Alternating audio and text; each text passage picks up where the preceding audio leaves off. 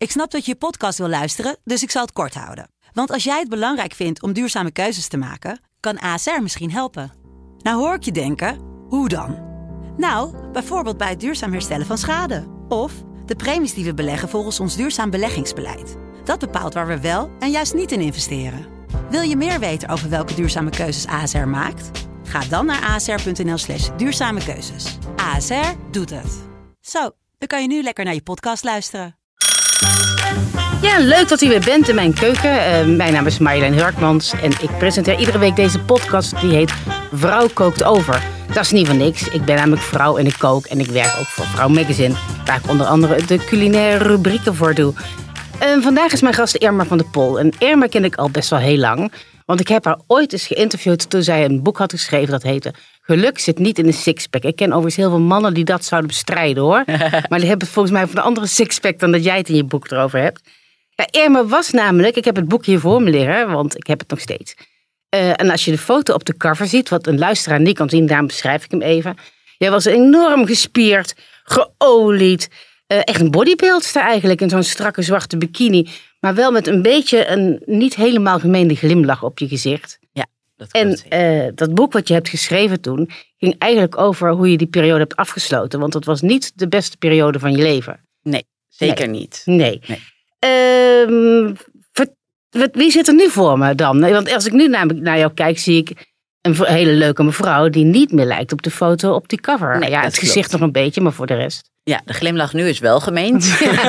Dus beschrijven, wie ben Dus, jij eh, geworden sinds je dat boek hebt geschreven? Ehm, Of is nou, het een hele moeilijke vraag? dat is wel best een ingewikkelde vraag, maar Ja, ik geef daar met Ook. liefde antwoord op hoor. Oké. Dus, eh, nou, zoals je zelf al zei, weet je, dat was niet mijn beste periode. Ehm, heel veel mensen denken dat je gelukkig wordt als je maar een ander uiterlijk eh, krijgt. Als je maar afvalt en als je maar dat fit body hebt, killer body, eh, ook wel bekend. Ehm, het tegendeel is waar, weet ik uit ervaring. Ik heb dat dus heel erg nagestreefd en eh, ben eigenlijk nooit ongelukkiger geweest dan in die periode. Eh, ik heb er wel heel veel van geleerd, dus ik ben heel blij dat ik het allemaal heb meegemaakt. Ehm, eh, ik heb wel ge- geleerd dat het leven maakbaar is. ehm, dat je lichaam ook maakbaar is als je daar maar genoeg tijd en effort in steekt. Maar de vraag is, ja, wat wil je? Waar word je echt gelukkig van? Nou, met heel veel vallen en weer opstaan eh, ben ik daarachter gekomen. en daarom zit ik hier aan tafel. Ehm, nou, wat, eh, wat mij nu heel erg gelukkig maakt is eh, dat ik weet waar ik gelukkig van word. Dus een stukje zingeving, dat ik iets kan doen waarmee ik ook andere mensen kan helpen. Dat ik eindelijk gewoon goede relaties kan aangaan. Eh, ik heb aan mezelf gewerkt, eh, heel intensief. Eh, dus ik ben gewoon blij met wie ik ben. En, Maar dat deed je voorheen ook aan jezelf werken, alleen op een andere manier. Toen deed je het met heel veel gewicht heffen en Ja. spierbundels kweken. En, Ja. ja, ik heb je boek natuurlijk gelezen en dat was echt dat ik dacht van eerst heel veel eten, zodat je heel veel vet kweekt. En dat dan weer heel hard trainen om dat weer om te zetten in spieren. ja, En niet altijd op een even gezonde manier trouwens. Nee. Wij gaan zo naar de pannenkoeken. Ja. hè. Yes. Eerst even de introductie, nog even de introductie. Ja, ja, want toen werkte je ook aan jezelf. Ja, Maar klopt. Maar vooral aan de buitenkant. Eh, en dat is dus wel het verschil met, eh, met wat ik nu doe. Ik zeg niet dat de buitenkant eh, helemaal niet belangrijk is. ehm, want ik heb een mooie sportschool nu, de Feel Good Fitness Factory. Naam zegt het al een beetje. het gaat ook om echt je goed voelen. Er komt nog wel steeds fitness aan te pas. Eh, maar het gaat niet meer alleen om die buitenkant. eh, maar juist eigenlijk eh, lichaam en geest in balans. Ehm, dus we verzorgen de buitenkant goed. We gaan daar verantwoordelijk mee om. Ehm, maar het gaat ook om de binnenkant. Het gaat uiteindelijk erom dat je je goed voelt. En dat is uiteindelijk de hoofddoelstelling. Maar toch zie ik op, vooral op so- social media, ja, allemaal heel erg die fit girls en heel erg trainen met een hele kleine pakjes, een hele strakke spierbundels. Ja, Klopt. kijk, jouw lichaam was jouw tempel en mijn is Ja. een beetje een vuilnisbelt. dus wat dat betreft denk ik van ja, is dat het, het nastreven nodig, zeg maar, om er zo uit te gaan zien? Is het voor mij überhaupt weggelegd om er ooit zo uit te zien? eerlijk? Nee, Oh. denk het niet. Nee, oké. Goed. Dan kunnen we nou, dan was het pannenkoeken dan. beginnen. Zet, zet, zet het afsluitliedje maar aan. Het wordt toch niks meer vandaag. nee, nee, in het echte perfecte lichaam, wat het dan ook mag zijn, is denk ik maar voor een heel klein percentage mensen weggelegd. Eh, ik denk eh, nog geen 1 procent. Eh, dat is natuurlijk ook leeftijdsgebonden. Eh, een bepaalde genetica heb je daarvoor nodig. Heel hard werken. Eh, maar de vraag is dus, moet je het willen? Ehm, is het realistisch? Gaat het je brengen wat je denkt dat het je gaat brengen? Eh, ik denk voor heel veel mensen dus niet. misschien als tijdelijk uh, soort van experiment waar je veel van kan leren over je eigen lijf uh, en over je geest. Uh, om te kijken of je een doel kan bereiken, wat je ook mee kan nemen in de rest van je leven, waar je ook gaat merken dat je bepaalde doelen kan bereiken als je het maar wil. Dus als leerproces oké, um, maar ik denk wees realistisch. De meeste mensen hebben een baan, hebben een gezin, hebben een partner die een beetje aandacht wil en die het gezellig vindt om af en toe een wijntje te drinken met je. Um, ik denk een goede balans daarin vinden. Dus wel goed voor jezelf zorgen. Um, maar ook een beetje blijven genieten. Want dat is uiteindelijk denk ik waarom we hier op uh, aarde zijn. Um, denk ik dat dat je veel gelukkiger gaat maken dan uh, alleen maar dat perfecte lijf. We gaan eerst even naar de pannenkoeken. Ja, want anders dan worden ze Ja. alleen maar koud en zo. Ik heb twee soorten. Ja. Ik heb met cranberries en appel. En ik heb met pistachenoten en gedroogde abrikozen. Waar ga je voor? Dan ga ik voor de pistachenoten en de abrikozen. Oké. Ik heb het nog nooit gehad, dus ik ben heel benieuwd. Ik ook niet. Ik ging Ja. pannenkoeken bakken en ik zag in één keer dat zakje pistachenoten. En denk, hé, hey, dat zou nog wel eens Ja. leuk kunnen zijn in zo'n pannenkoek. Leuk. Dus dan ga ik dat eerst eens eventjes voor jou eh, Heerlijk, heerlijk. regelen. Nou, het ruikt al heerlijk. Nou hè, ja. Maar dat vond mijn man dus niet, want die, haat, die heeft ontzettend hekel aan pannenkoeken. Echt? Ja. Raar. Ik bak eigenlijk nooit pannenkoeken. Ja. Grappig. En je kinderen? Eh, ja, die zijn dus niet gewend om pannenkoeken te eten. Want Nee. ja, als één zo'n man eenmaal zegt, ik hoef geen pannenkoeken. Krijgt niemand ze. Nee, nou, het is even een gedoe met zo'n pannenkoek. Ja. Maar goed, ehm, jij zegt af en toe een wijntje. Maar Ja. ik begreep uit eh, jouw boek dat jij om jouw lichaam te krijgen zoals het ooit was, Mhm. ehm, van alles hebt gebruikt. Ja. Wat achteraf allemaal helemaal niet zo verstandig was.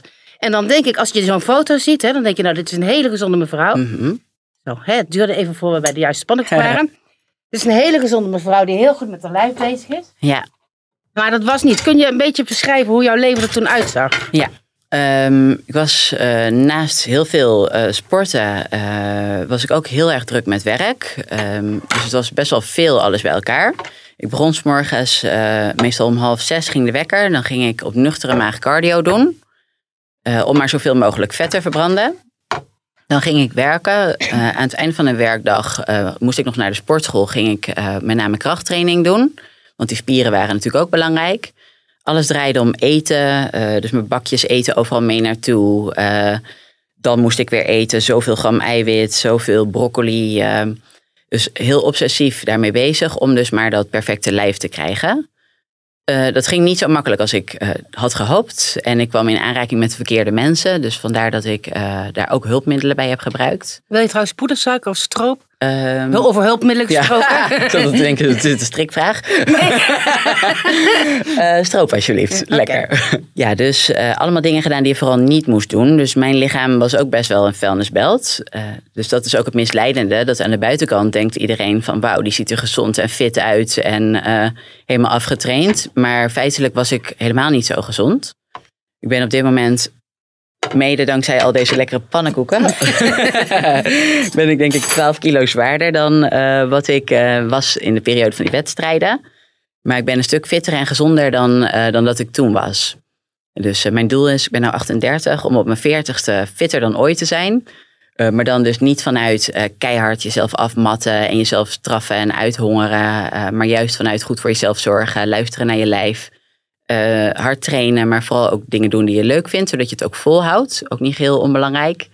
Ehm, ja, maar dus vooral ook gewoon luisteren naar je lijf en daar goed voor zijn. Dat brengt je uiteindelijk verder dan korte termijn fixes eh, die niet altijd even gezond zijn. Wat noemen ze, geef eens een voorbeeld van een korte termijn fix. Want ik neem aan dat je het dan niet hebt op een reep, over een reep chocolade. Die, eh, Nee, nee, nee, nee.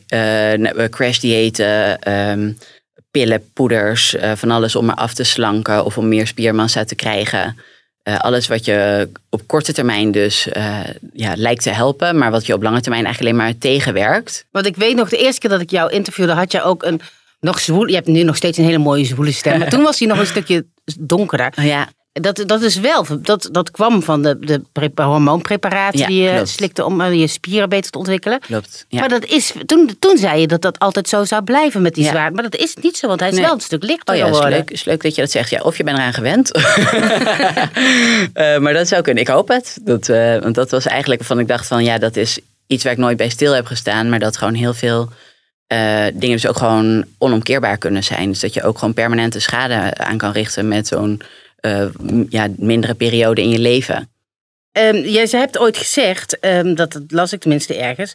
Het is onmogelijk om gezond en gelukkig te zijn en topsport te bedrijven. Ja. Ja. Dat, dat, dat leg ze uit. Dat is voor mij die echt eh, al, weet je, die 6000 stappen per dag al een enorme opgave heeft. Die wil graag horen, joh, dat hoeft helemaal niet hoor. Ja. Je hoeft geen marathons te lopen. Je bent goed, zo- dat Ja. wil ik heel graag horen. Dus Ja. als jij dat nou eventjes gewoon zo'n beetje leuk meldt. Oh, nou, nee, hoeft helemaal niet. Nee, Nou. maar, nee, maar even serieus. Ja, Ehm, ja. Nou, serieus denk ik wel dat je gelijk hebt. Eh, want zelfs een marathon lopen eh, vraagt echt zo ontzettend veel van je lijf. Eh, dat kan. Het hoeft niet per definitie heel ongezond te zijn. Alleen je moet zo ontzettend goed voor jezelf zorgen. Jezelf goed voeden. Je rust en je herstel pakken. En de vraag is, weet je, hoe gezond is het om eh, vijf uur achter elkaar te lopen? Of, of twintig, hoe lang je dan over die marathon eh, zou doen. Oh, in mijn, in mijn, met mijn tempo. mag, mag het ook, eh, ja, en mag je er ook een paar dagen over doen? Ja, toch? Ja, en hetzelfde geldt denk ik dus voor, voor eigenlijk alle topsporten. eh, wat, waarbij je natuurlijk heel erg gefocust bent op één aspect in je leven. Eh, in mijn geval, ik weet niet of je topsport mag noemen. Want het ging eigenlijk meer om uiterlijk dan, Nou ja, maar je deed wel echt mee met bodybuildwedstrijden. Ja, zeker, zeker. Ik heb wel het Nederlands niveau ook gedaan. Ja, maar ik vraag me af of het eh, echt een sportsport is. Omdat er dus geen prestatie aan zit. Maar dat het eigenlijk alleen maar om de buitenkant gaat. Dat is voor mij een beetje het verschil met sport. De meeste sporten draaien om een prestatie. Ehm, eh, dus hoe goed functioneer je? Kan je die wedstrijd winnen? En dit is natuurlijk wel uiterlijk. Eigenlijk is het bijna een soort meer misverkiezing. Eh, dan dat het echt nog sport is. Want er werd nooit getest hoe fit ik was. Nee. Dus in die zin is het niet, eh, is de term fitness soms ook niet helemaal goed, denk ik. Nee. Dus, eh, maar goed, dat terzijde. Ehm ja, topsport leveren eh, is denk ik hetzelfde als dat iemand bijvoorbeeld alleen maar met zijn werk bezig is. die alleen maar daarvoor gaat. Of iemand die zich alleen maar in zijn relatie stort en alles daaromheen vergeet. Is denk ik sowieso per definitie ongezond om je hele levensgeluk van één aspect af te laten hangen. Dat heb ik een beetje met eh, uiterlijk dus gehad. eh, Dus met ook die fitnesswedstrijden. Ja, weet je, dat is natuurlijk super vergankelijk. En hetzelfde als topsport is eigenlijk ook vergankelijk. Want eh, bij de meeste sporten ben je op je dertigste echt wel uitgerangeerd. Ehm, maar naast het feit dat je dus je hele geluk van één aspect af laat hangen, eh, vraagt topsport natuurlijk ontzettend veel van je lijf. En de vraag is ook, is dat op lange termijn gezond? Eh, wordt het op een gezonde manier gedaan? Pleeg je geen roofbouw of leef- eh, levert het geen schade op? Ja, Dat heb, jij, jij hebt wel die roofbouw gepleegd. Daarbij Zeker, kom je ook vooruit. Ja. Ja.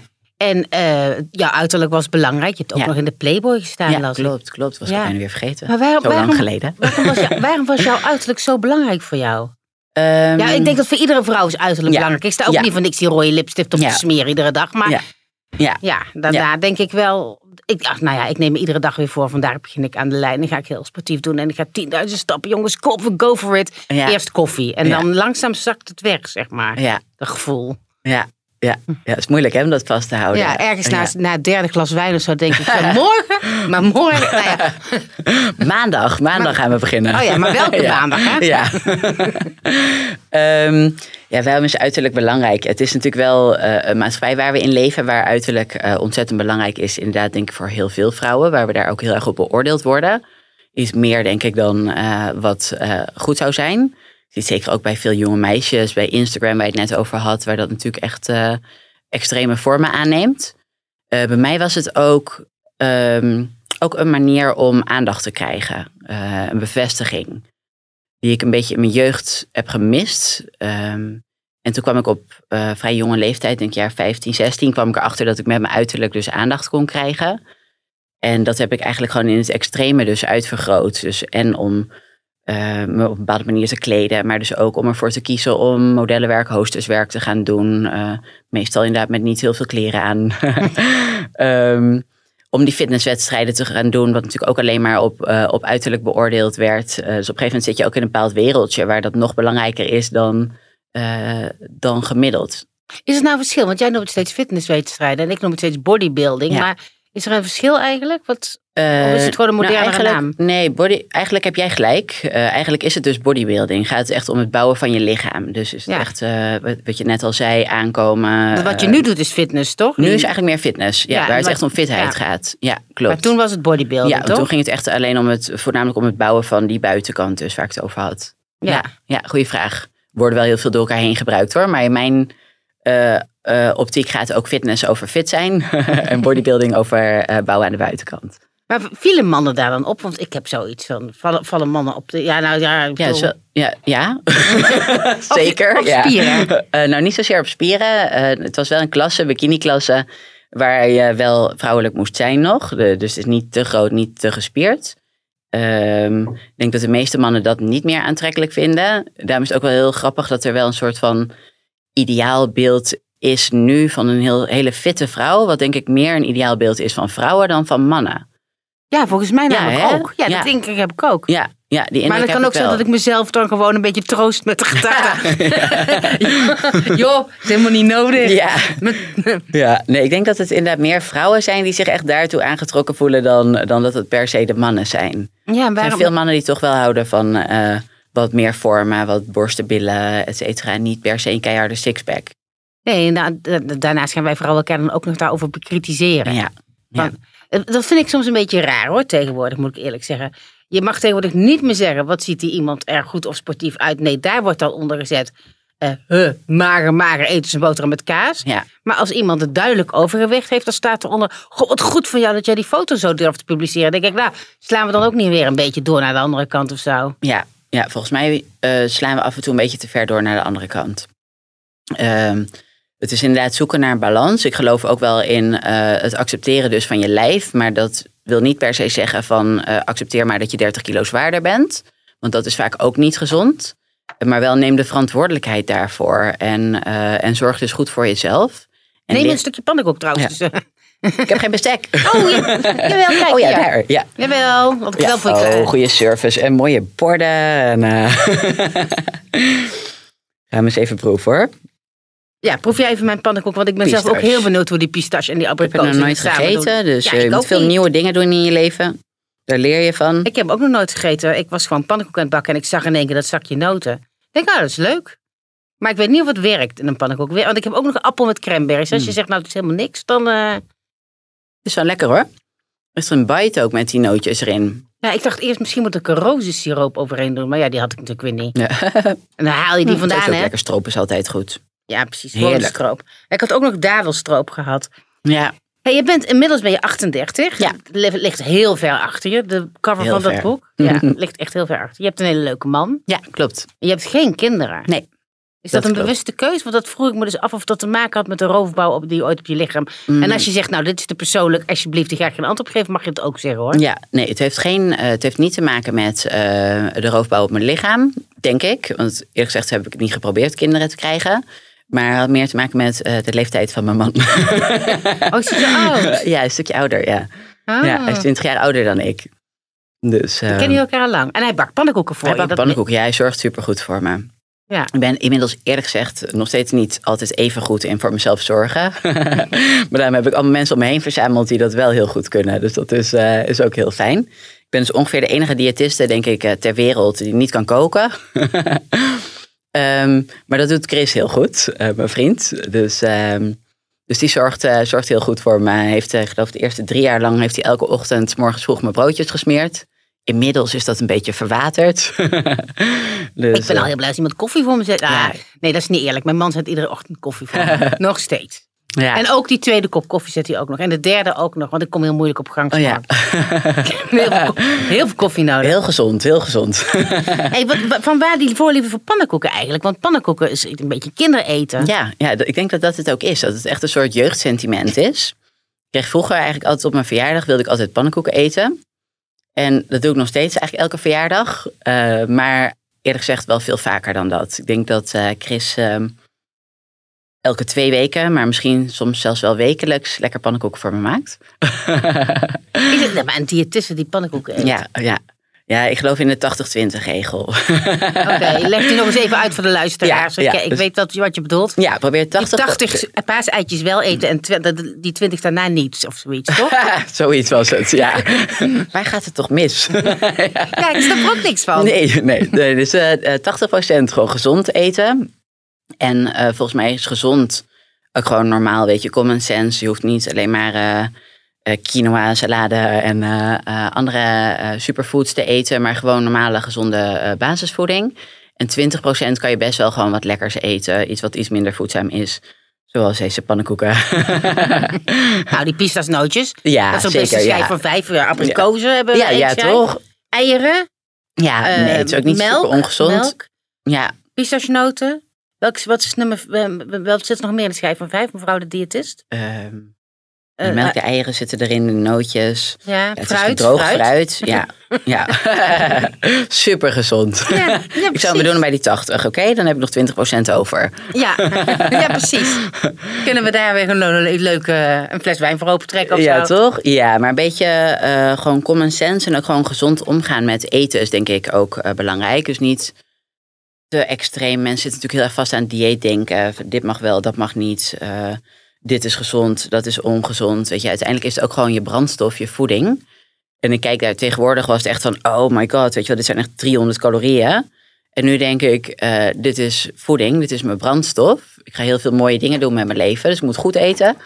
Dus eh, des te beter kan ik functioneren en er ook voor andere mensen zijn. En, Tegenwoordig heb jij een sportschool. ja, klopt. Is die open nu? Met, of heb je heel erg last Ehm, van de coronacrisis gehad wat dat betreft? Nou, het was uitdagend, laten we dat maar zeggen. Ja. Eh, we hebben, eh, mijn compagnon eh, Monique en ik hebben 1 maart vorig jaar de sleutel gekregen van onze oh nee, op 1 maart Ja, kreeg je 1 de sleutel. Ja. Jezus, jongens. ja, en toen twee weken later moesten we dicht. De handdoeken waren nog niet uit de droger, zeg Echt, maar. En, Ja, echt. Dus dat was uitdagend. Ehm, ik geloof dat we tien verschillende scenario's hebben gehad. eh, van dicht, alleen maar lessen via Zoom of eh, filmpjes gemaakt. Ehm, buiten lesgeven, binnen groepjes van vier, eh, binnen open gym. Nu zijn we weer buiten aan het lesgeven. Ehm, groepjes van vier ook max. Veel personal training. Dus we zijn echt continu aan het shiften. Dus het is best wel enerverend eh, jaar geweest. ja. Gelukkig zijn we heel positief en kijken we vooral naar wat er wel kan. En hebben we super loyale leden die, die ons door dik en du- dun steunen. Ja, want er zijn nu allerlei eh, sportieve organisaties die zeggen... die sportscholen moeten echt open, want Ja. mensen worden alleen maar dikker. Ja, En coronatechnisch is het ook niet handig. nee, zeker. En het is een gezond lijf en een gezond... Nee, een gezonde geest huist in een gezond lichaam. Zeker, zeker. Ja, die gezonde geest is ook heel belangrijk hoor. Dat merk ik ook echt bij de Ja. mensen die dus nu niet kunnen komen sporten. Mensen missen het enorm. Weet je, even een uurtje voor jezelf, even je hoofd leegmaken, eh, even eh, een praatje met iemand. Eh, dat is eigenlijk eh, bijna net zo belangrijk als het fysieke aspect. Ja, Ja. Ja, ja. Kan je, kan je niet voorstellen? ja, jawel. Ik, ik sport eh, twee keer per week. Ga ik naar Oh. er. Ja, nee. Oh, wat goed. Ja. Ja, dat komt omdat de meeste luisteraars, of tenminste mensen van vrouwen die die vrouw volgen, weten het ook wel. Ja. Ik heb een nare ziekte gehad. En ik moet twee keer per week naar Erwin. Erwin Ja. noemt, zichzelf ook wel Joop Sloop. En dat is een fysiotherapeut waar ik echt, Ja. echt denk, nou, een personal trainer is helemaal niks voor mij. Want ik moet ieder...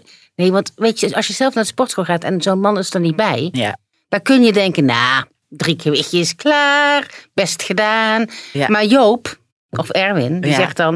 En nog vijf erbij, je kunt het, je kunt het. Dan kan die man soms wel wat doen, joh. Oh ja, Oh, man, man, man. en hij heeft gelijk, hè?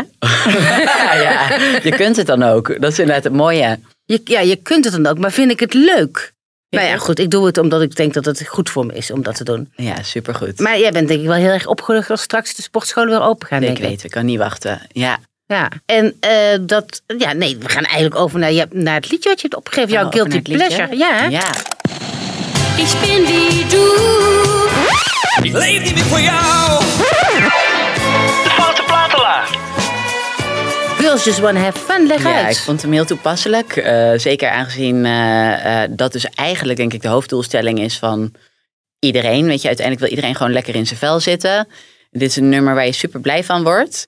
We, ik heb hem toevallig inderdaad laatst gedraaid. Toen gaven we een, een online workshop over hoe je je motivatie hoog houdt. En toen hebben we met z'n allen achter die computer staan dansen en springen en schreeuwen. En één groot feestje ervan gemaakt. Dus eh was hartstikke leuk. Dus ik wil dit heel graag delen met alle luisteraars. Ja, ik hoop dat iedereen gaat zo springen en dansen. En, eh, gewoon, gewoon nu, nu met de podcast. Weet je, koptelefoon Juist. op je oren en Ja. hoppa, de lucht in.